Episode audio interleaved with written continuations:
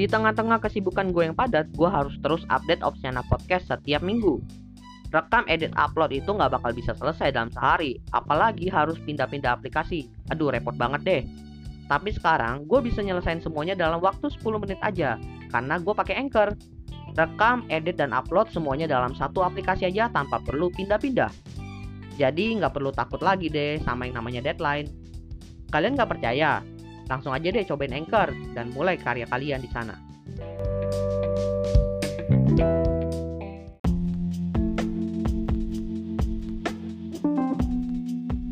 Quarter Life Crisis, krisis seperempat abad.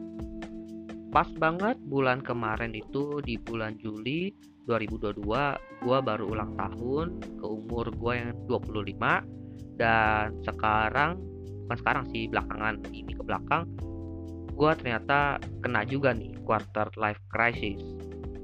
Buat yang nggak tahu itu uh, quarter life crisis adalah sebuah fase di mana lu mempertanyakan jati diri lu ke mana. Pokoknya itu adalah fase lu terombang ambing lu nggak tahu nggak jelas lah.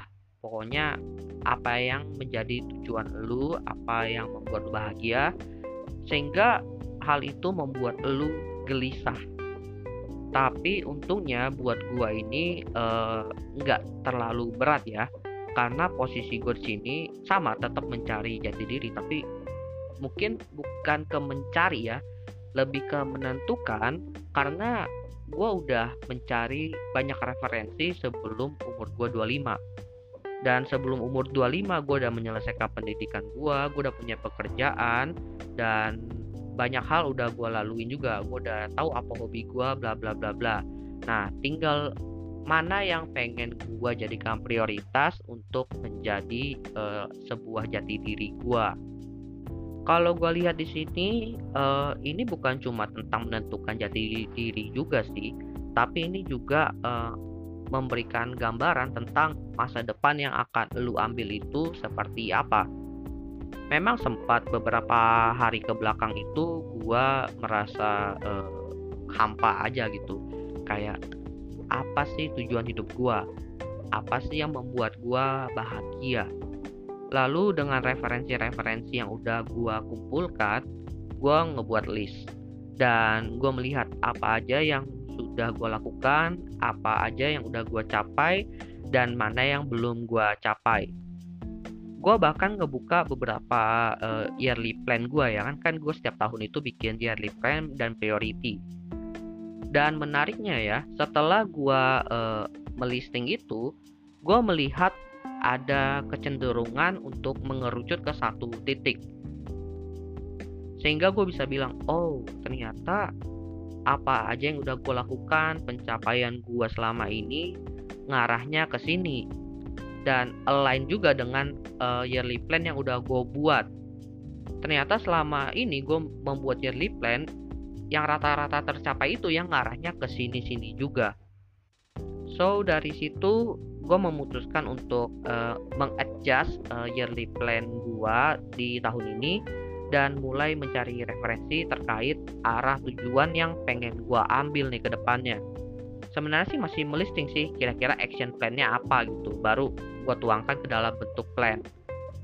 Tapi ya kesan-kesan yang gue alami selama beberapa minggu ke belakang itu adalah memang gue merasa uh, bimbang dan bingung gitu, hampa.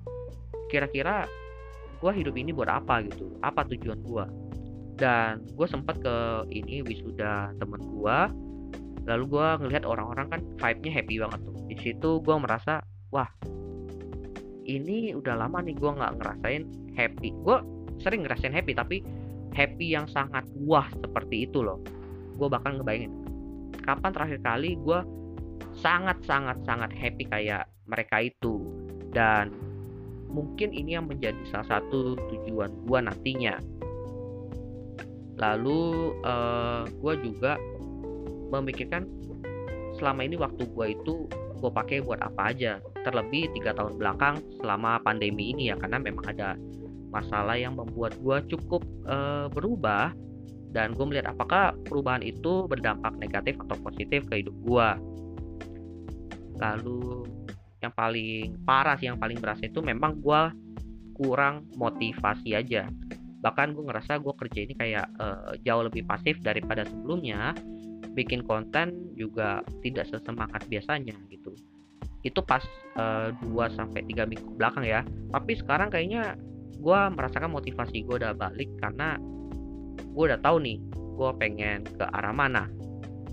Mungkin dalam case gue ini uh, fase quarter life crisis ini memakan waktu uh, tidak lama gitu untuk fase-fase yang gelisahnya. Sedangkan kalau gue dengar cerita teman-teman gue rata-rata itu bisa lumayan lama ada yang enam bulan setahun gitu. Kalau gue cuma sebentar mungkin terbantu dengan referensi-referensi yang udah gue miliki sebelum umur 25 ini. Dan emang gue orangnya penasaran juga sih.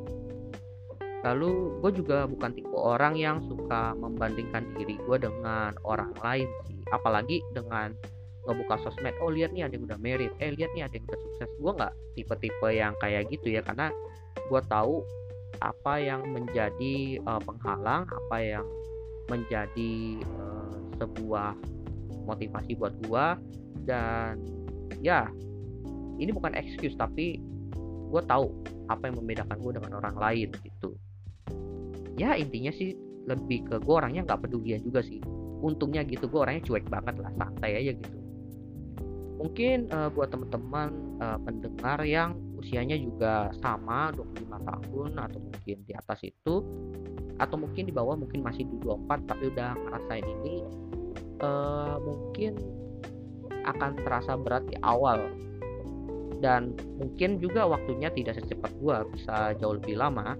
Tapi yang pasti adalah untuk melewati ini kita itu harus tahu dulu kita harus kenal dengan diri kita sendiri kita itu uh, pengennya apa lalu apa yang menjadi sesuatu yang membuat kita jauh lebih bahagia gitu. Jujur aja sih karena kalau lu berada di fase ini tanpa mempersiapkan uh, banyak hal bisa mengganggu gitu. Gua aja yang udah punya referensi banyak sampai kesulitan bikin konten karena gue merasa hampa gitu. Bingung mau ngapain gak ada semangatnya. Ya untungnya gue cuma kosong seminggu karena gue udah bikin ini ya uh, konten bang dan sekarang gue lagi ngisi lagi nih konten bang ini emang agak rada kampret sih. Tapi menurut gue worth it untuk dilalui karena membuat gue dan mungkin buat teman-teman itu bisa berpikir ulang melakukan introspeksi diri dan menyiapkan masa depan kita itu seperti apa. Well, gue rasa itu aja sih yang pengen gue sharing kali ini. Mungkin agak berbeda nih topiknya dengan topik-topik yang lain, tapi karena ini maksudnya ke daily option menurut gue sih oke-oke aja. Karena kan bisnis itu juga salah satu bagian uh, tujuan hidup juga bisa kan. Oke, okay, gue rasa itu aja. Thank you buat teman-teman yang sudah mendengarkan. See you next time di episode selanjutnya.